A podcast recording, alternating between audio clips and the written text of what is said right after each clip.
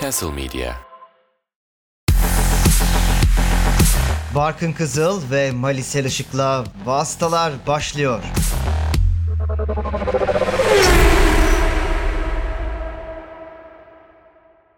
Galaxy Z Fold 4'ün katkılarıyla hazırladığımız Vastaların 90. bölümüne hoş geldiniz. Bu bölümde sevgili Mali ile beraber sizlerden Hayatı ikiye katla etiketine gelen sorulara cevap vermeye çalışacağız. Oldukça da güzel bir ilgi oldu. Herkese teşekkür edelim. Ee, çok sayıda farklı skaladan sorular, farklı soru tipleriyle bizleri biraz terletecek gibi gözüküyorsunuz. Mali sorulara şöyle bir baktın herhalde. E, keyifli geçeceğini tahmin etmek zor değil. Evet tabii yani çünkü bir de vasıtalar dinleyicisi her zaman hani biz onlara farklı sporlardan daha doğrusu motor sporlarının farklı dallarından sohbet, muhabbet, haber şeyler sunuyoruz. Onlar da gerçekten izlenebilecek maksimum sayıda motor sporları dallarını izliyorlar, takip ediyorlar. O yüzden çeşitli sorular da var. Onun dışında ya ben açıkçası beklediğimi buldum. Böyle sorular bekliyordum. Böyle sorular geldi. Evet, e, Hayatı ikiye katla etiketimize e, gösterdiğiniz ilgiden dolayı teşekkür ederiz. Bu tarz şeyleri yine ara ara yapacağız. E, o yüzden de keyifli oldu. Yani e, izlemek, okumak daha doğrusu keyifli oldu. İşte gelişini, şeyleri. Çünkü ara ara çünkü şey dedik böyle hani şu gün kaydediyoruz. Sormadıysanız sorun. Hemen birkaç tane daha geldi falan. O süreci takip etmek de keyifliydi. Ee, Üzerine düşünmek de teşekkür güzel. ederiz. Tabii, Böyle tabii, bence de. şey oluyor, zihin pratiği oluyor farklı hı hı. tipten sorular gelince, farklı şeyleri merak eden dinleyicilerimiz olunca. E, bu arada benim biraz sesim kötü maalesef biraz hastayım onun için de özür dileyim. E, sonra burnu tıkalı mı yaptı podcast'te gibi e, sorular gelirse o soruları cevaplayamayız. Çünkü soru cevap bölüm geride kalıyor o yüzden hemen hatırlatmak istiyorum ve rica ederiz paşam. Ee, eğer her hasta olan e, özür dileyecekse biz de sana hastayız. O yüzden bizim de senden özür dilememiz gerekiyor. Bence kimse kimseden özür dilemesin. Teşekkür ediyorum. Ee, ilk soruya geçiyorum Mali. Hazır mısın? Tamam geçelim. E, tanıdık bir simadan geliyor ilk sorumuz. Şefik Rokko Akkoç. Selam Tabii ki e, biraz böyle oyun related bir, oyunla alakalı bir e, soru gelmiş. Herhangi bir F1 oyununun başında yer alsaydınız eninde sonunda pilotların rating değerlerine karar vermeniz gerekecekti. F1 gridindeki 20 pilotu hızlıca nasıl sıralardınız? Ratinglere gerek yok. Sıralamayı duymak yeterli olur demiş sevgili Rocco. Hadi bakalım. Hızlıca sıralayayım mı? Hızlıca sırala. Hamilton, Verstappen, Alonso, Leclerc, Dur dur öyle Russell. o kadar hızlı sıralama. O kadar Çok hızlı, değil oldu. mi? Tamam. Çok hızlı oldu. Bir, bir Hamilton'ı koydum. Bire Verstappen'i koydum. İki. Güzel. Verstappen. Hamilton. Üç. Makul. Alonso. Leclerc. Dört. Leclerc. Russell. Güzel. Beş. Bende Russell. Alonso bende de. Güzel. Altı. Norris. Norris ama Norris'i 7'ye koysak çok iyi olacak. Gerçekten bu arada benim de Norris'i 7'ye koyasım geldi. Bari burada al 7. olmasın çocuk dedik ve 6'ya koyduk. 7. Sainz. Perez. 8. Vettel. Sainz. Güzel. 9. Perez. Gazli. Güzel. 10. Ocon. Ocon. 11. Gazli. Albon. Güzel. 12. Bottas. Bottas. Güzel. 12'den vurduk. 13. 13 Albon bende. Bende Vettel 13. Makul. 14. Mick. Magnussen. Güzel. 15. Tam bu arada rakip şey olmuşlar. Tam, tam tersi gibi. Hasıları Ee, oralarda 15 belli ki. Tsunoda. 15 Ricardo bende. Güzel. Ee, 16 Stroll. Tsunoda. 17 Magnussen. Stroll. 18 Joe. Joe. 19 Ricardo. Mick Schumacher. 20 Hülkenberg, De Vries falan aradakiler. hani şöyle bir 23, 24, 25 falan da Latifi. 20 Latifi ikimizde de gördüğünüz gibi. Can Bey sormuş. Daniel Ricciardo'nun olduğundan daha iyi bir pilot ol, e, pilot gibi gösterildiğini düşünüyor musunuz?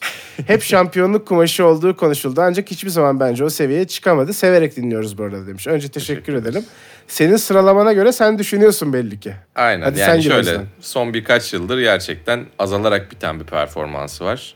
Yani geçtiğimiz yıl yarış kazanmış olması da pek bir şey ifade etmiyor bence. Geçtiğimiz yılki o galibiyeti çıkartırsanız geçtiğimiz yılda korkunç bir performansı vardı. O yüzden ben e, yani şampiyonluk kumaşı olduğu yıllar Red Bull yıllarıydı. Gerçekten Red Bull'da da iyi işler yapabilecek bir noktadaydı. Hala bence Max Verstappen'in yanına e, Daniel Ricciardo kadar sağlam birisi oturmadı. Tabii ki Verstappen oraya çıkıştaydı. Ricciardo belki prime'ını yaşıyordu. Ama ne olursa olsun Ricciardo belki de Red Bull'da kalsaydı bir şampiyonluk şansı olabilirdi. Hiç belli olmazdı. Ee, sonrasında birazcık işte bir daha yarış kazanma veya işte düzenli yarış kazanabilecek bir takıma gitme ihtimali azaldığı için psikolojik olarak da etkilendi belki. Ee, ama biz ona bahane bulmak için burada değiliz sonuçta ve e, o yüzden de birazcık abartarak tabii ki çok gerilere yazdım ama gerçekten performans ve yeti olarak bakıldığında ya çünkü mesela Fethel'i yukarıya yazdım ki ondan birazdan bahsedeceğiz. Ee, yani Ricardo'nun e, aşağıda olmasının sebebi şu anda bence Formula 1'de kalmayı performans olarak da hak etmiyor olması ve evet yani bir potansiyeli vardı ama o potansiyeli de hiçbir zaman ulaşamadı gibi oldu. Potansiyelli olduğu zaman zirvesi oldu. E, o da yazık oldu açıkçası. Yani keşke Red Bull'da kalsaymış. Evet bir yandan da hep böyle kafaya oynayan şampiyonluk otomobiliyle yarışan takımlardaki ikinci sürücülerin e, ben biraz daha sanki olduğundan daha yüksek değerlendirilebildiğini düşünüyorum. Otomobilin hızıyla beraber hmm. mesela birkaç rakip problem yaşıyor. Zaten otomatik podyum geliyor neredeyse. Hani öyle durumlar e, biraz daha bence pilotları olduğundan iyi gösterebiliyor zaman zaman. Ama oraya da boş pilot oturtmuyorlar çoğunlukla. Evet yani. o da doğru tabii ki. Yani ama şampiyon bir şampiyonluk gibi mesela belki hani öyle bir hedef kovalayabilir belki zirvesinde bir tane denk Ricardo. gelebilirdi yani evet. Ama daha fazlası bana da çok kolay Yok. gelmiyor açıkçası Bence. yani. Hı hı. Biraz Rosberg seviyesi gibi, belki gibi. diyebiliriz. Ya da Alan Jones gibi Avustralyalılardan bahsediyorsak. ee, istersen geçelim. Ee, bu şekilde düşündük belli ki ikimiz de. Ee, Adil Bey sormuş. Bir pilotun maksimum performans kıyasını nasıl yapabiliriz? Bu sorudan şey anlıyorum. Yani bir pilotun maksimumu neye göre değerlendiriliyor? Herhalde kıyas derken başkasıyla kıyas gibi değil de hani bir pilottan az önce mesela yaptığımız sıralama listesini yaparken neleri görerek bunları yapıyoruz gibi. Ya bence bir kere şey zaten takım arkadaşın olan performansı önemli. O yüzden ben Mick'i çok yukarıya yazdım. Çünkü sene başındaki birkaç yarış dışında baktığımızda, genele baktığımızda Mick gerçekten e, Magnussen'e göre daha iyi. Soyadını çok seviyor olmama tamamen bir kenara bırakarak söylüyorum. E, onun dışında Vettel evet Ferrari yıllarında kötüydü. Aston Martin'de takımın otomobilin performansının üstüne çıkıyor. Mesela bu başka bir parametre olabiliyor. O yüzden bence birazcık yukarıya yazdım Vettel'i. Bir de tabii ki geçmiş şampiyonlardan birisi olduğu için ne olursa olsun belli bir saygıyı da kendi adıma hak ettiğini düşünüyorum ama yani rating performans ratingi olarak bakıldığında biraz daha e, güncel şeylere bakmak daha doğru aslında kendimle çelişerek söylüyorum bunu. E, onun dışında otomobilin performansı ayrı, otomobili ne kadar geliştirebiliyor, takımı ne kadar etrafında toplayabiliyor gibi özelliklerine de bakılabiliyor. İyi bir pilotu, şampiyon bir pilotu e, ne şampiyon yapar diye konuşuyorsak.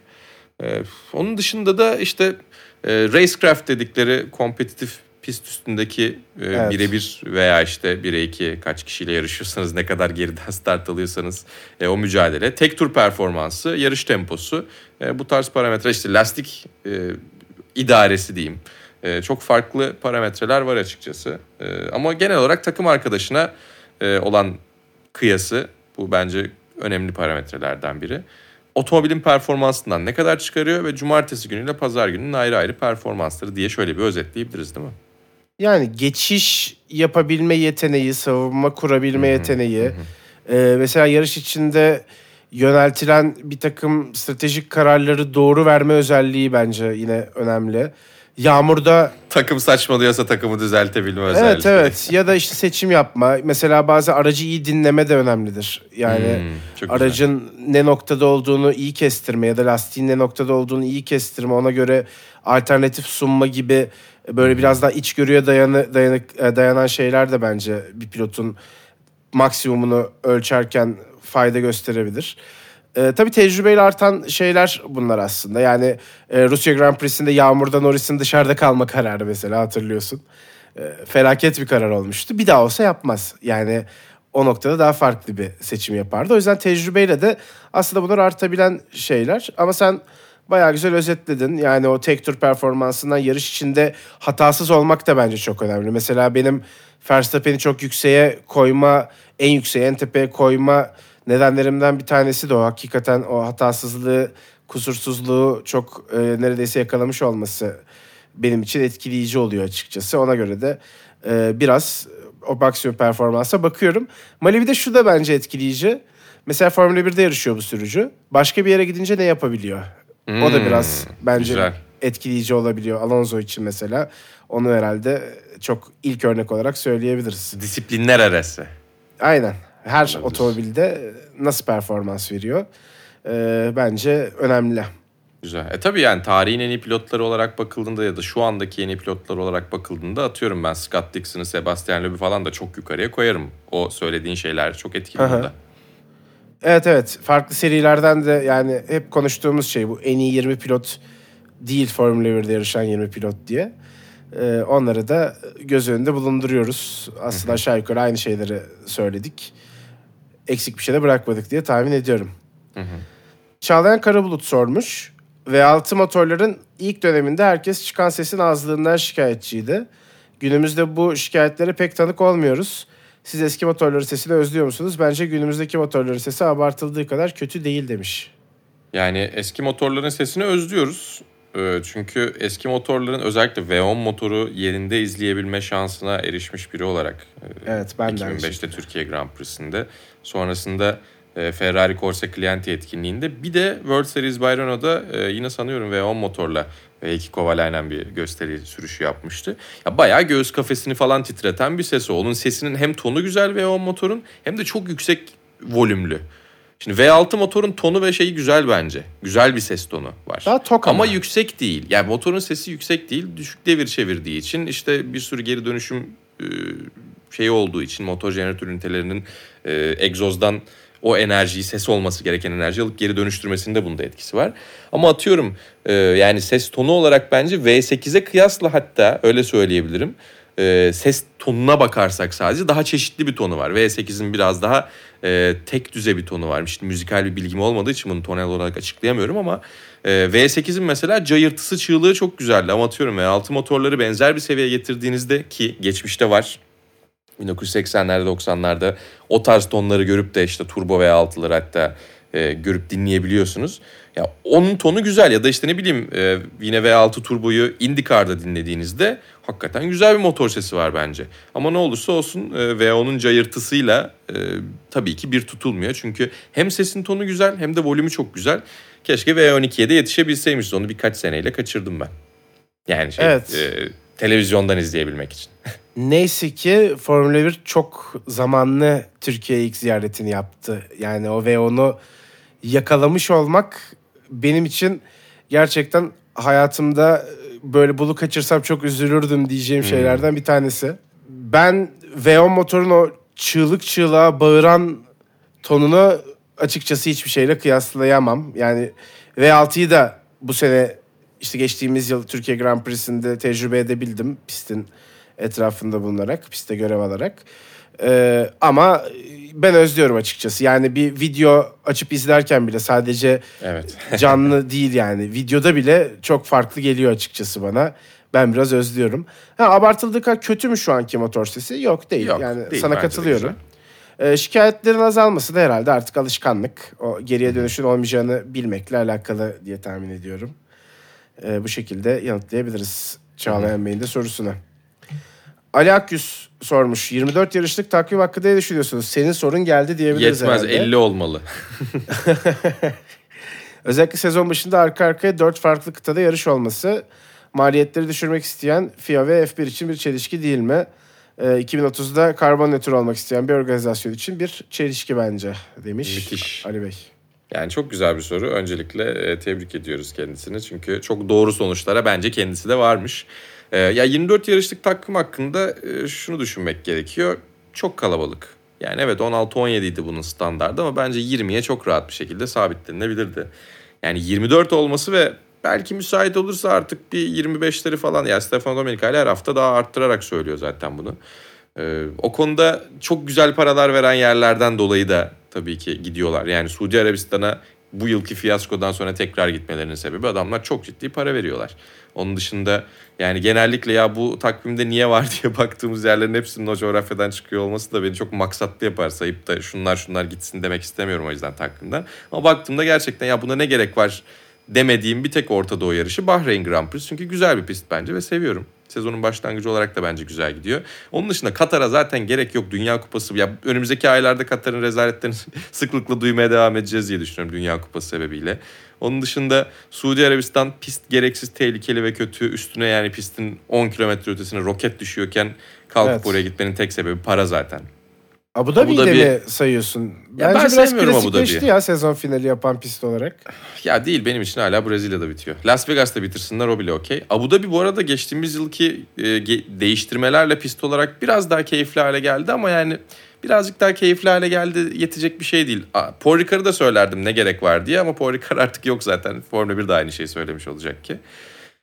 O yüzden e, açıkçası burada kesik yiyen öyle söyleyeyim e, ya da gitmesi gereken gitse Hmm. takvimi nasıl 20 20 yarışa indirirdin diye Stefano Domenicali beni cep telefonundan arasa ben de yabancı numara ama olsun yine de açayım desem ve konuşsak e, gidecek yarışlar bunlar gibi görünüyor. Yoksa dediğim gibi Bahreyn'i bırakırım çünkü e, bence güzel bir yarış. E, keyifli bir yarış. Ha, onun da geçmişinde büyük rezaletler var 2010'ların başında pistin ötesinde e, uzaktan neredeyse görünebilir şekilde e, halk protesto ederken gelip yarış yapıyorlardı falan da hadi onları bir kenara bırakıyorum. Hadi e, Formula 1'in zaten böyle bir hassasiyeti olduğunu da düşünmüyorum. Pilotlar zorladığında kendileri de ya tabii bizde çok hassasiyet evet aynen falan diyorlar ama iş zaten para.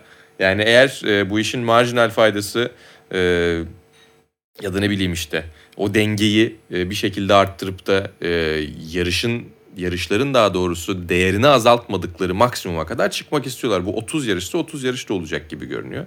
Ama yani gerçekten şey inanılmaz. Evet tamam pilotlar gidiyorlar ama işte mekanikerler doğru düzgün ailelerini göremiyor. Lojistik bir e, kabusa dönüyor ve onu da söylemek lazım. Hani arka arkaya dört farklı kıtada yarış olmasının sebeplerinden bir tanesi şu. Bazı yarışlar e, kesinlikle takvimin şu noktasında olmalıyım diye anlaşıyorlar. Kanada onlardan Mevsimsel biri. de tabii aynı Hem mevsimsel zamanda. hem de yani satış anlamında da belki orada daha iyi. sat- Yani anlaşmaları ona göre de yapıyorlar. Takvimin şurasında işte ya şu ya şu kadarıncı yarış ya da işte takvimin ay olarak şurasında gibi. Senin dediğin gibi mevsimsel sebepler de var. Ya çelişen çok şey var bence yani. Evet şeye de katılıyorum. Ee, karbon nötr olmak isteyen bir organizasyon için bu kadar fazla yarış yapıyor olmak bence de bir çelişki. Ee, yani lojistik anlamda da çok daha akıllıca bölge bölge e, şey yapılabilir. Ee, bu takvim kurgulanabilir ama onun için belki de her, bütün yarışların e, mevcut bütün Grand Prix'lerin e, en azından bir yeni sözleşme yenileme kısmına gelmesi gerekiyor olabilir onun için. Yani çünkü takvimi tamamen baştan kurgulamak demek e, işlerinde e, herkese tek tek an, anlaşılması anlamına geliyor.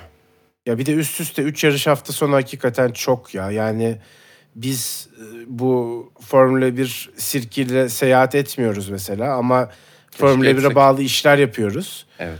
Ee, yani bence bizim için bile yoğun. Yani bilmiyorum katılıyor musun? Sen de öyle düşünüyor musun?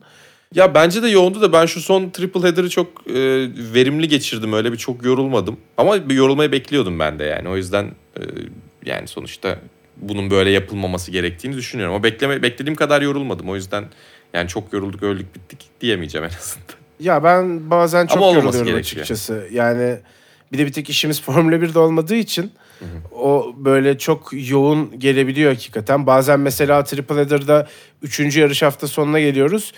İki hafta önceki yarışı falan unutmuş olabiliyorum. O kadar çünkü üst üste geliyor ki diğer yarışlar. Ee, o böyle biraz can sıkabiliyor. Ama yani Ali Bey'e de kötü bir haberimiz var. Bu takvimi kısaltmak yerine muhtemelen uzatırlar. Bu Öyle. yönetim. Yani onu da söyleyelim. Daha da fazla yarışa gideriz herhalde. Ee, zaten bir yıl kaç hafta yani 52 hafta onun 24 yarış hafta sonu olduğunu düşünürsek e, iki yarışa daha yer var gibi bence şöyle bir basit hesapla. Bakalım 2-3 yarış hafta sonu daha eklenir mi buraya? 30'a doğru gider miyiz göreceğiz.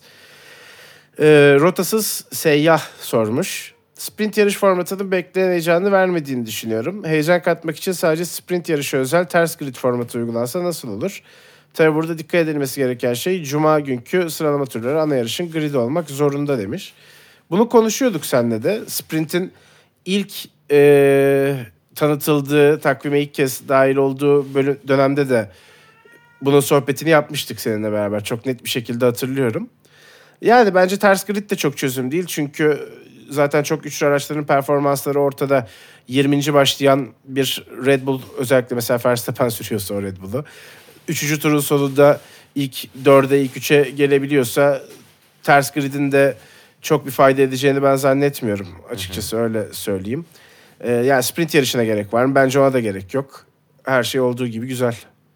Ya muhafazakarlık yapmış gibi oldum da Yo, iyi çözümler yani. değiller. İyi çözümler Sprint- olsa yoksa Sprint bizi destekleyebilirdim. ikna etmedi çünkü yani. Sprint gerçekten beklenen heyecanı vermedi. Buna katılıyorum. Bunu söylemeyen de çok fazla insan yok Formula 1'in içerisinden dahi ya bu tam... Çünkü yani 3'ten 6'ya çıkarmamak ya da 2 yıldır bunu 3 yarış olarak devam ettiriyor olmak da çok şey söylüyor bence. Ama şey güzel evet George Russell'ın da benzer bir önerisi olduğunu gördüm. Sprint yarışı özel ters grid ve işte Cuma günkü sıralama turları ana yarışın gridi olmak zorunda. Zaten F2'nin formatı. E, o yüzden bence F2'nin formatı fena değil. Ama tabii ki for, yani Formula 2'yi daha keyifli, heyecanlı hale getiren araçların nispeten eşit olması. E, o yüzden de yani Formula 1'de daha eşit bir grid önümüzdeki yıl görürsek bence Ne denenebilir olur ya. biliyor Ne olacak ki? Mali? Sprint'te Bak ısrarcılarsa denemek lazım. Biraz fantastik ama tam ters grid. Yani ilk 10 değil de tamam 20 20'nin tamamı. O enteresan olabilir bence. O da çok online lobi olabilir ya. Kasap lobi olabilir o da biraz. Yok ya yani sonuçta korumaları gerekiyor araçları. Pazar günü esas Grand Prix yani daha az puan Hmm. verecek ne olursa olsun. Hem böyle arkadakilerin puan alma ihtimalini de arttırır. Ee, yani Monaco'da falan çok saçma. ama zaten ya. baştan söyledim ya çok fantastik yani bunun gerçekçi olmasını bekleyemeyiz. Bir de Monaco pistine de uygulanmaz zaten. Bir, de, tam ters gridde tanking olabilir mesela işte. Olabilir, orada bir garip olabilir. 8. sırayı hedefleme falan ne bileyim böyle optimum bir şey belirleyip grid pozisyonu herkesin oraya kastığı garip durumlar ortaya çıkabilir. Bir de ben başta heyecanlıydım sprint için. Yani bir yarış fazla izleyeceksek buna niye karşı çıkalım diyor diye düşünüyordum. Ee, Ya yok öyle gitmedi pek. Bir de MotoGP ne gördüyse e, önümüzdeki her yarışta e, önümüzdeki sezon her yarış hafta sonunda cumartesi bir sprint yarışı yapma şeyleri var onların da. Super Pole yarışı gibi de değil. Superbike formatı da değil. Garip bir şey deneyecek MotoGP. O da bakalım göreceğiz onu Ya konuşuruz zaten. motosiklette yine daha iyi bence ne olursa olsun. Belki yani olabilir bilmiyorum. Bakalım. Peki. Ee, Okan Çakır pit duvarından gösterilen boardlar neden hala kullanılıyor diye sormuş. Ee, bir şeyden dolayı garanti olsun diye. Hani atıyorum işle alakalı önemli bir şey varsa bir mail atarsınız sonra bir de ararsınız ya da ne bileyim mesaj atarsınız mail attım diye. Onun gibi veya işte e, radyo frekansıyla alakalı takım telsiz konuşmalarıyla alakalı bir takım teknik bir problem vardır, bir ihtiyaç vardır. E, ya pilottan takıma ya takımdan pilota e, istedikleri şeyi e, iletişimi sağlayamıyor olabilirler. O zaman her zaman tabii ki bir yedek plan olarak var. E, sürekli kullanılmıyor. Yani daha doğrusu e, özellikle hani şey yapılmıyor. E, hani bunu kesinlikle yapalım diye tabii ki ana iletişim artık pit boardlar, e, pit tabelaları üzerinden değil, takım telsizi üzerinden gidiyor. Ama çoğunlukla da pit duvarında onun bir hazırlığı yapılıyor pilota göstermek üzere. Her tur göster göstermek gibi bir tercihleri olmayabiliyor. Bazı turlar göstermemeyi de tercih ediyorlar. Ama ne olursa olsun pilotların e, bazen şey de olabiliyor tabii. Siz de izlerken dinlerken görüyorsunuzdur. Hani bu süre beni birazcık bir yalnız bırakın dedikleri zamanda da kulağımda çok konuşma istemiyorum dediği zamanlarda bilgiyi oradan aktarabiliyorsunuz. O yüzden var. Yani 370 ile giderken o pit board'u görüyorlar mı? 370 her yerde gitmiyorlar ya. Yok görüyorlar ama ya sonuçta. Ee, çünkü 370 o. düzlüğün sonunda değil bir kere zaten. Ya hadi hadi 300 320 olsun ya yine 320 değil. bilmiyorum O- ki. Oradan oradan 200 küsürle geçiyorlar bence 300'e. 300'e Ama geldiklerinde pit duvarları şey bitmiş Neyse. oluyor daha doğrusu tabelalar bence bitmiş oluyor. Herhalde herhalde. Ya görmeseler kullanmazlar diye tahmin Tabii ki canım, ediyorum. Görüyorlar görüyorlar. Böyle bir düşündürdü beni. Güzel ama iyi, iyi şey düşündürmesi zaten bu soruların e, hoşumuza giden yanlarından biriydi. Çok bir de analog yani şu anki teknolojiye göre Güzel ya. işte ya kalsın bazı keyiflerde ve old school şeylerimiz Yok kalsın. kalmasın demiyorum. Onların ya, bu arada kalsın. LED'e dönmemesinden de çok memnunum. Ee, motosiklet dayanıklık şampiyonasında LED tabelalar kullanıyorlar ya bazen bozuluyor bir şey oluyor ee, şeyde EWC'de. Ee, Oyuncu ne kadar değişikliği mekanik gibi. kalırsa aynen ne kadar mekanik kalırsa o kadar e, şeyi garanti. E, algılanabiliyor olması garanti. O yüzden onun mesela LED tabelalara dönmemiş olmasından memnunum. Bir de şey de güzel. Yarış sonunda ya da mesela şampiyonlukta vesaire o Tabii. borda kafaya göre bir mesaj yazıp onu öyle Canım geçen hafta şey gördüm kullanmak. ya. Bugün gördüm tweetini. Geçen ya hafta sonunda Cal Crutchlow tekrar MotoGP'ye döndü ya. Onun bir tane kızı var Willow diye. Acayip dünya tatlısı bir tip. Ee, şey e, yarışı bitirmiş tabii ki. Yani pel perişan zaten e, per perişan şey demiş. Ya ben niye döndüm bilmiyorum. Eziyet mesiyet falan demiş Carl Crutchlow. Garajda böyle dad yazmış altına P1 yazmış. Onu da bekliyor iyi. gelmiş sarılmış falan. O yüzden öyle şeylere de yarıyor dediğin gibi güzel mesajlar da veriliyor. Keşke emeklilikte kalsaydım demiş. Ee, Serhat Kaya sormuş. Önümüzdeki yıllarda farklı lastik tedarikçileri ve daha fazla takım görme şansımız var mı? Lastik dayanım- dayanımlarının azaltılıp pit stop sayılarının arttırılmasına nasıl bakıyorsunuz? Valla e, farklı lastik tedarikleri olsa çok iyi olur. Ama anladığım kadarıyla FIA orayı çok deşmek istemiyor. Oranın bir stabilite, bir sabitliğinin olduğunu düşünüyorlar ve onu çok bozmak istemiyorlar. Keşke olsa. Çok Daha güzeldi fazla bence. takım- Michelin. Bridgestone yılları. Ki zaten e, onu hemen şöyle e, bağlayayım sonra fazla takım kısmına girelim. E, lastik dayanıklılıklarının azaltılıp pit stop sayılarının arttırılmasına nasıl bakıyorsunuz kısmında da Pirelli o kadar arada kalıyor ki. FIA diyor ki ya birazcık şöyle diyor işleri diyor bir şey yap diyor ya lastikleri bir değiştir diyor birazcık bir keyif ver diyor. E takımlar diyor ki ya bu lastikler çok dayanıksız sen ne biçim iş yapıyorsun diye Pirelli'ye sallıyorlar. Ya Pirelli FIA'nın tarifini uyguluyor çoğunlukla. O yüzden orada Pirelli'ye haksızlık yapılıyor ya da lastik üreticilerine genel olarak böyle bir durum var. Ee, kural koyucuyla e, o, o kurallara riayet etmek zorunda kalan takımlar arasında kalıyor Pirelli. Bence FIA o konuda çok iyi yönetmiyor süreci. Ee, daha fazla ta- lastik tedarikçisi olsaydı bence bu durumda ortadan kalkardı. Çünkü rekabet olduğu için zaten maksimum verim e, elde edilmek zorunda.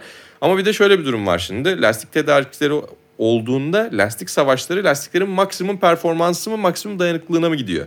Yani bu sefer de e, bir pit stop dışında hiçbir şey görmediğimiz bir durum da olabilir. Hani onun şeyini çok iyi yapmak lazım bence. E, o ortamı güzel, o rekabet ortamını güzel oluşturmak gerekiyor. Daha fazla takım görme şansımız umarım vardır diye düşünüyorum. Andretti girmek istiyor ama şey diyor yani ben 200 milyonu vermeden mi girsem Zaten çünkü saygıdeğer bir ismim falan diyor. Diğerleri de yok diyorlar. Hani biraz böyle çok elit bir lig şeklinde tutma çabası da oluyor şeyin. Formula 1 takımlarının. Ya bu gelmesin diyebiliyorlar çünkü bütün takımların da onay vermesi gerekiyor yeni bir takımın gelmesi için.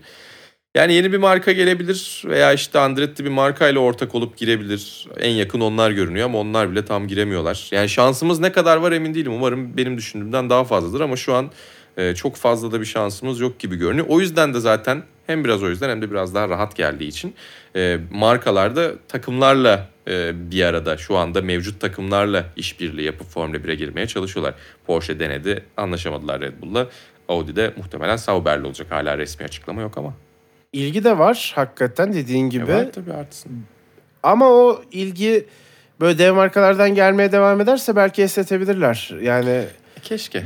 bana kolay gelmiyor açıkçası 10 takımın üstüne çıkmak da.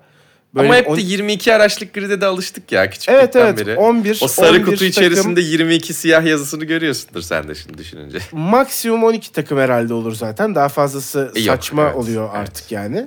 Ama 11 takım düşünülebilir sanki. 11'e belki çok ikna edici bir şey olursa, başvuru olursa herhangi bir takımdan hem böyle mali olarak hem plan olarak fazlaca ikna edici bir şey olursa belki 11 düşünülebilir herhalde.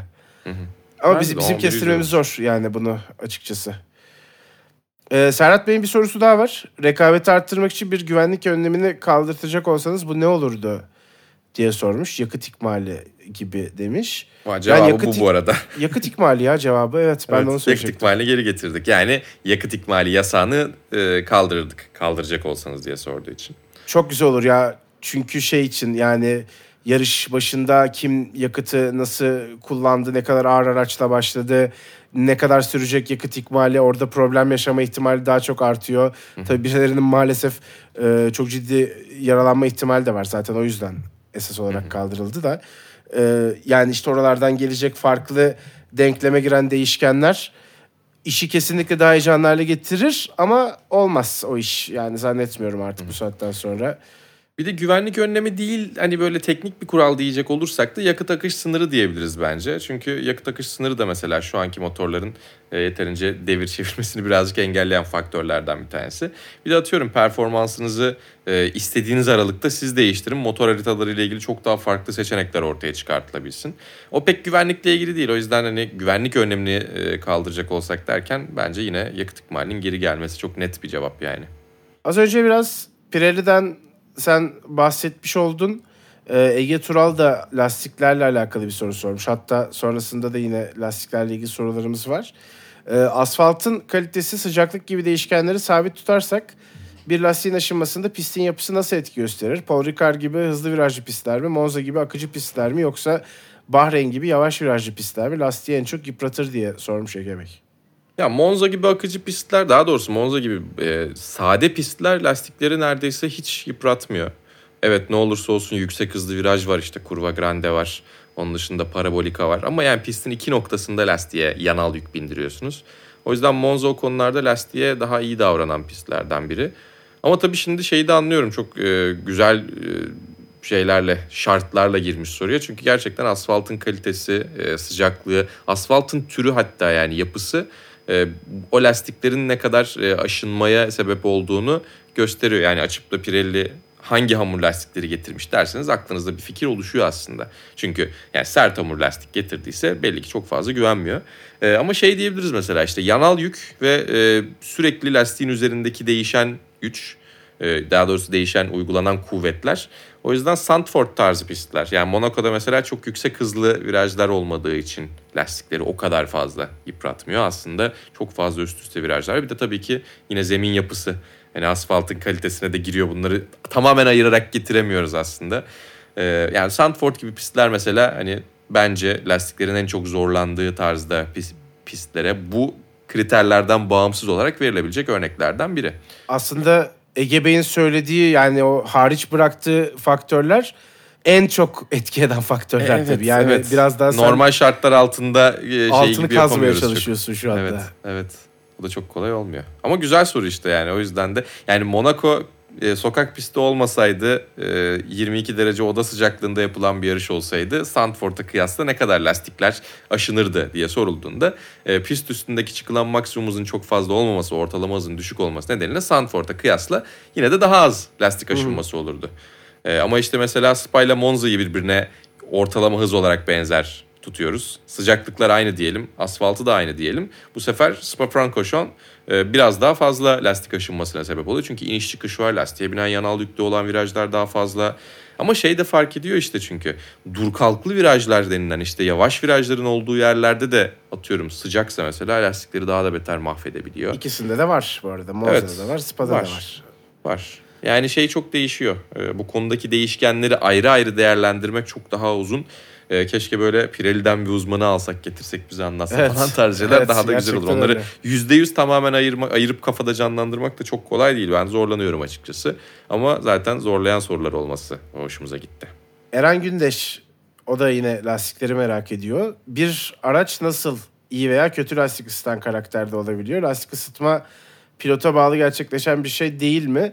Bir aracın iyi lastik ısıta- ısıtabilmesine ne gibi teknik özellikleri etkili oluyor? Ee, W13'ün tek tur yarış hızındaki dramatik fark bu yüzden mi diye sormuş. Yani Önce sorunun son içinde bu arada cevabın bir kısmı var bence. Pilot Evet. önemli ne olursa olsun. Pilotun e, lastiklere nasıl davrandığı, stratejik olarak lastiklere nasıl davranmayı tercih ettiği de önemli lastiğin e, ısısı konusunda. E, onun dışında aracın baştan çizilen aerodinamik dizaynında da tabii ki e, aslında doğrudan lastikleri etkeden faktör oldukça büyük değil mi öyle? Evet yani sürüklenme üzerinden bir basitleştirebiliriz. Yani low drag, high drag işte sürüklenme arttığı zaman daha fazla downforce üretiyorsunuz tabii ki. Ama bu ürettiğiniz downforce'a karşı daha fazla motor gücü e, veya işte e, otomobilin daha e, mekanik tutuşunun da daha e, bir şekilde dengeliyor olması gerekiyor. Genellikle yani low drag e, otomobillerde e, motor gücüyle birlikte onu bir dengeliyorsunuz zaten. E, daha fazla sürüklenmeye sahip otomobiller tabii ki lastikleri daha fazla kullanıyor ama bunu çok basit terimlerle yapıyoruz. Çünkü yani sürüklenmeyi arttırıp aynı zamanda downforce'u düşük tutmak veya bunun tam tersini yapmak da mümkün. İşte taban açısını çok efektif kullanıyor mesela Red Bull. Yeni dönem otomobillerde bile bunu çok efektif kullanıyorlar. Ya da işte e, low drag ama high downforce ya da ne en azından e, düşük sürüklenmeli ve orta yere basma kuvvetli arka kanatlar kullanılabiliyor işte o kaşık tarzı kanatlar. Ya bunlar böyle çok net bir şekilde şu şuysa bu bu diyebileceğimiz seviyeye biraz geçti Formula 1'den. Ama şunu söyleyebiliriz. Lastik ısıtma e, otomobile bağlı, lastik aşınması pilota bağlı gibi bir e, ay- ayrıma gidebiliriz diye düşünüyorum. Çünkü lastik ısınma, lastik ısıtması e, genellikle pilottan pilota çok değişmiyor. Otomobilden otomobile daha çok Doğru. değişiyor. Doğru. Ama lastik aşınması veya lastik idaresi pilottan pilota takım içerisinde de çok değişebiliyor. E, o yüzden bence e, ya bu daha net bir e, konu olur. E, ve evet yani bence W10 için tek tur yarış hızındaki dramatik fark da, fark da bu yüzden ki herkes de söylüyor onu. Şey de önemli. O hafta sonu ayar nasıl yapıldı bu bile oldukça E, Tabii büyük Geçiş mi faktör. istiyorlar yoksa tek turda mı iyi bir yere gelmek istiyorlar? O da pistin yapısıyla alakalı. Geçiş yapılabilecek bir pistse tek tur performansı çok önemli olmayabiliyor. Yani mesela Mercedes daha işte başka yerlerden taviz vermeyi göze alarak bu konuyu çözebilir. Tıpkı Yunuslama'da olduğu gibi. Ee, ama tavizi veriyor musunuz, vermiyor musunuz? Yani lastiği stratejiyle bir şekilde çözebiliyor musunuz, çözemiyor musunuz? Biraz onun da verdiği tercihlerin etkisi olduğunu düşünüyorum ben. Bence de. Sokrates takipçisi sormuş. Çok sıklıkla sizlerden pistin hafta sonu boyunca hızlandığını duyuyoruz. Seansların ve feeder serilerinin de etkisiyle asfalt kau- asfaltın kauçukla kaplanması yol tutuşu nasıl etkiler? Lastiğin daha çok kauçuğa temas etmesi onu nasıl daha efektif kılar diye sormuş. Ee, bu var gerçekten. Yani bunu sadece Formula 1 özelinde değil, e, başka serilerde de bakmak gerekiyor. Ama tabii lastiğin hangi marka olduğu da önemli mesela. İşte MotoGP'den örnek vereyim. E, Moto2 Dunlop, MotoGP Michelin lastik kullanıyor. O yüzden e, bu ikisinin e, kimyasal olarak birbirine karışmıyor olması pistin üstündeki kaplanan kauçun çok fazla yardımcı olmamasını sağlıyor. Ee, sevgili Ayhan Can Güven e, zamanında e, Porsche Super Cup'ta yarışırken onlar da Michelin lastik kullanabiliyorsunuz. E, Pirelli kompaundlarıyla çok fazla karışmadığını dolayısıyla onların e, pist üstünde herhangi bir şekilde e, faydası o kadar da olmadığını söylüyor. Yani bazen hani şey yol tutuşu olumsuz etkileyecek sebe- durumlar da olabiliyor. Çok farklı lastik yapılarına sahiplerse. Ama tabii ki F3, F2, F1'in e, aynı lastikleri kullanıyor olması o yol tutuşu arttırıyor. Aynı compoundlar olmasa da. O yüzden açıkçası yani şeyi düşünebiliriz evet lastik pist daha doğrusu hafta sonu boyunca hızlanıyor ama çoğunlukla da en çok vakti geçirenler pist üstünde zaten Formula 1 araçları. E, o yüzden kendi lastikleriyle, kendi bıraktıkları kauçukla daha çok hızlanıyorlar diyebiliriz. Çünkü yani F3'ün, F2'nin çok fazla vakit harcadığını ya da diğer F4 de geliyor bazen farklı yarış serileri geliyor. Onlar çok fazla etkilemiyorlar. Etki içerisinde varlar ama F1 daha çok diğerlerini etkiliyor. Yani belki pazar günü bir kere piste çıkıyor araçlar ama aslında sabah saatlerinden öğlen saatlerine sonra akşamüstüye doğru da biraz daha fazla hızlandığını da söyleyebiliriz. Yani sadece Tabii. kauçuktan ziyade havayla da hava sıcaklığıyla da alakalı olduğunu herhalde söyleyebiliriz. Öyle öyle. Sadece şey o pistin e, evriminden bahsetmiş sanıyorum. O yüzden. Şöyle. Ee, bir de kauçuk şey için de önemli. Araç yarış sonrası tartılırken biraz o kauçuğu toplayıp getirince en azından biraz daha garanti oluyor. Kauçuk topla benim ilgili. için meşhur bir e, Zülfü Livaneli telsiz mesajıdır. Evet aynen öyle. Onu da söyleyelim. Ee, Çağlayan Karabulut bir soru daha sormuş.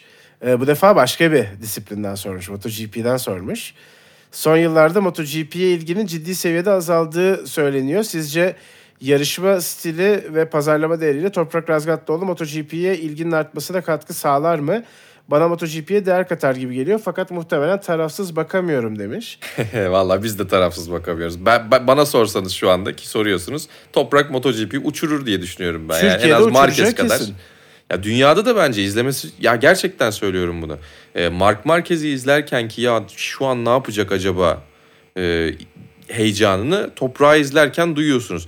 Başarı veya kariyer olarak aynı seviyeye koymuyorum ama potansiyel ve yetenek ve seyir keyfi olarak gerçekten prime'ında bir Mark Marquez'in e, tadını alıyorum öyle söyleyeyim. O yüzden de bence Toprak keşke MotoGP'de istediği şartları bulabildiği bir geleceğe sahip olsa da MotoGP'de iyi işler yapsa ben çok iyi işler yapabileceğini de düşünüyorum bu arada yani. Hani Toprak'ın başarısız olabileceği bir motosiklet serisi olduğunu veya ya işte fena değildi diyebileceği bir motosiklet serisi olduğunu düşünmüyorum. Dakar'a gitse etap kazanır yani öyle söyleyeyim. Petrucci'den herhangi bir eksiği olduğunu düşünmüyorum. Ya bir de toprağın stili de gerçekten o sansasyonu yaratmak için çok uygun. Evet evet. Yani yarışın içindeki o işte içgüdüsel geçiş aradığı anlarda yaptığı hamleler, savunmada zaten frenaj konusunda hiçbir soru işareti yok. Ee, İşte bu motosiklete ilk başladığı zaman zaten doğrudan e, gösteri sürüşleriyle başlamış olması, babası Arif Razgatlıoğlu olması bile tabii ki aslında çok etkili yani o motosiklet hakimiyeti konusunda. E, o yüzden yani böyle çok şapkadan tavşan çıkaran anları da var. O yüzden ilgiyi o şekilde de arttırabilir. Yarış sonu sevinçleri mesela çok orijinal motosikletle. Stopi denen o işte ön tekerin üzerinde motosikleti kaldırdığı hareket birçok isim tarafından sonra tekrarlandı. İşte toprakta etiketlenerek sosyal medyada paylaşıldı vesaire. Yani hem böyle pist üstünde yarış sırasında yapabileceği hokus pokuslarla hem yarış sonrasında ya da işte grid etrafında ne bileyim bir cumartesi gününde bir antrenman gününde ya da yapabildikleriyle e, bence ilgiyi arttırır kesinlikle. Ben de sana katılıyorum. Türkiye'de ise uçurur. Yani Türkiye'de hmm. bence neredeyse Formula 1'e yaklaştırabilir. Hele ki böyle bomba gibi başlayıp ilerleyen bir toprak olduğu zaman ki hiç onları yapamaması için de senin dediğin gibi bir sebep görmüyorum. Yani ben de tarafsız bakamıyor olabilirim. Ama bence de MotoGP'ye değer katar ve umarım gerçekleşir. Ee, şöyle bir döve döve izleriz. Ki MotoGP'ye giderse zaten sezona başlayacağı yer aynı zamanda. Evet bakalım olacak mı bu? Heyecanla bekliyoruz. Bahadır Bey ne olacak bu Mercedes'in hali demiş. Var mı ya Mercedes'in halinde bu kadar dert edecek şey bir durum? bence ya. Bu sene belki bir tane kazanırlar veya kazanamazlar. Seneye bence şampiyonluk mücadelesi içerisinde olacak bir noktaya gelirler. Tırmandılar yani tırmandılar. Bir de bir sene de kazanmasınlar ya. Yani bir sene şampiyonluk mücadelesi içinde olmayınca ne olacak bu Mercedes'in hali diyorsak bir sene dinlensinler. Toto yani Wolff evet. şeyi gibi. Toto Wolff bunu bu arada soruyordur şu anda fabrikada. O yüzden o kadar yıllar boyunca şampiyon olabildiler. Evet işte ya. Yani o bir farklı kültür oldu. Hem Öyle. öğrendikleriyle hem kafa yapılarıyla bu soruyu bile sordurmuyorlar bana. Evet. Mutlaka iyi olacak. Eminim yani Mercedes'in iyi olacağından. Sezon başında evet belki bu soru sorulabilir de aa ne olmuş Mercedes'e böyle diye. Ama sezon ilerledikçe gördüğünüz üzere zaten e, neredeyse takımlar şampiyonası da ikinciliğe doğru adım adım gitmek üzereler. Belki de ikinci olacaklar. Yani çok öyle dertlenecek bir durum olduğunu düşünmüyorum ben Mercedes'in. Evet bence de yani hani e, Gülben Ergen'in e, tarihe geçen sözleriyle e, siz unutmayın ki Mercedes'e hiçbir şey olmaz. O zaman enteresan bir soruya geçiyorum. F1 Boomer ya da F1 Boomer sormuş. Hamilton gibi bir figürün kraliyet ailesi diz çökmesini nasıl yorumlarsınız? Muhammed Ali İngiliz olsa sizce kraliyete karşı tavrı nasıl olurdu? Buyurun ben beğendim bu soruyu bu arada. İlginç Aynen çok güzel. Soru. Bu tarz sorulardan çok keyif alıyorum ben. Çünkü e, bir şeylerin Aa, hayır o müthiş bir hareket yaptı ve asla sorgulanamaz denmesi bence insanlarda sempatiden çok antipati de yaratabiliyor. E, bir şeyin kıymetini anlamak için veya işte bir duyarlılığın, bir sporcunun, bir figürün kıymetini anlamak için e, onun yeterince sorgulanması gerektiğini de düşünüyorum. E, diz çökme kısmı da şey o şövalye töreniyle alakalı bir gönderme yapmış diye tahmin ediyorum. Ya İngilizlerin şimdi bu hafta da gördük ustayı e, ebedi e, istirahatgahına gönderdikleri e, hafta boyunca e, uzun süren merasimler sırasında. E, yani o Sörim ünvanının verilmesi, o şövalyelik ünvanı herhalde çok özel bir yer kaplıyor. Direkt olarak monarşi ile ilgili düşüncelerini veya işte e, İngiliz hükümetine veya işte bir İngiliz olmaya Birleşik Krallık vatandaşı olmaya, Britanyalı olmaya e, duyduğu aidiyetle tamamen birbirini karşılamıyor da olabilir. Onu gerçekten bilmiyorum. E, yüzde yüz o da yani sormak lazım. Belki sorulmuştur. Ben görmemişimdir. E, ama şey gibi de değil. Evet yani burada dışarıdan bakınca e, biraz monarşi ve e, kraliyet ailesinin verdiği bir ünvanı bu kadar e, severek alıyor olması e, insanın aklında bir soru işareti oluşturabilir. Ben de oluşturmamıştı ama bunu makul görüyorum. E, Lewis Hamilton'ın e, onun dışında gerçekten etki bırakabileceği yerlerde ki bence Formula 1'in e, bir Race as One kampanyasını zorla başlatmasına sebep olan ateşi yakan isimlerden bir tanesiydi. Sebastian Vettel'le birlikte bulundukları hareket alanı ve etki alanı içerisinde çok güzel işler yapıyorlar. E, ama tabii yani Muhammed Ali'nin durumuyla e, Lewis Hamilton'ın durumu arasında çok fark var. Bir, onun zamanında sporcu olmak çok daha farklı bir e, figür anlamına geliyordu. E, ki bununla ilgili de şundan bahsetmek gerekiyor. Ben e, Dave Chappelle'i son dönemde pek sevmiyorum maalesef ama e, geri döndükten sonraki birkaç gösterisinde güzel şeylerden bahsediyordu. E, Martin Luther King'in bir e, ayakkabı sponsorluğu olsaydı hala otobüsün arkasında oturuyorduk diyor. E, bunu da bu şekilde görüyorum. Modernleşen dünyada bir sporcu olmak, bir yıldız olmak eski zamanlardaki gibi e, duyarlılıkları bu kadar net bir şekilde ya da ne bileyim gerçekten bir e, halk kahramanı olabilmeyi de engelliyor. E, oraya kadar gelemiyorsunuz dahi yani öyle bir karakteriniz varsa. Ama kendine yaratılan alan içerisinde ben gayet doğru hatta belki o alanın dışına çıkan hassasiyetler ve e, kamuoyu oluşturma yetisine sahip olduğunu düşünüyorum. E, o yüzden e, burada hem Hamilton hem de Sebastian Vettel'i çok ayrı bir yere koyuyorum. Ben de denk geldiği zaman yayınlarda işte podcast'te e, videolarımızda her fırsatta eğer konuyla alakalı bağlantılı bir durum varsa tabii ki kimsenin de kafasına vurmaya gerek yok bunu.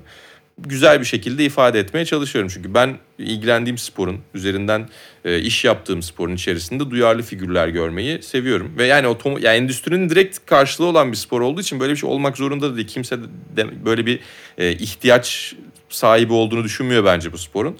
Ona rağmen hatta belki de karşısında problemler oluşabilecek şekilde. Evet tabii ki yine 1960'lar 70'ler zamanında işte e, Muhammed Ali'nin, Bill Russell'ın veya işte farklı figürlerin çektiği şeyler kadar olmasa da e, rahatsızlık verilebilecek şeylere bile girmese girmez. Kimse de Hamilton niye ses çıkarmıyor demez yani.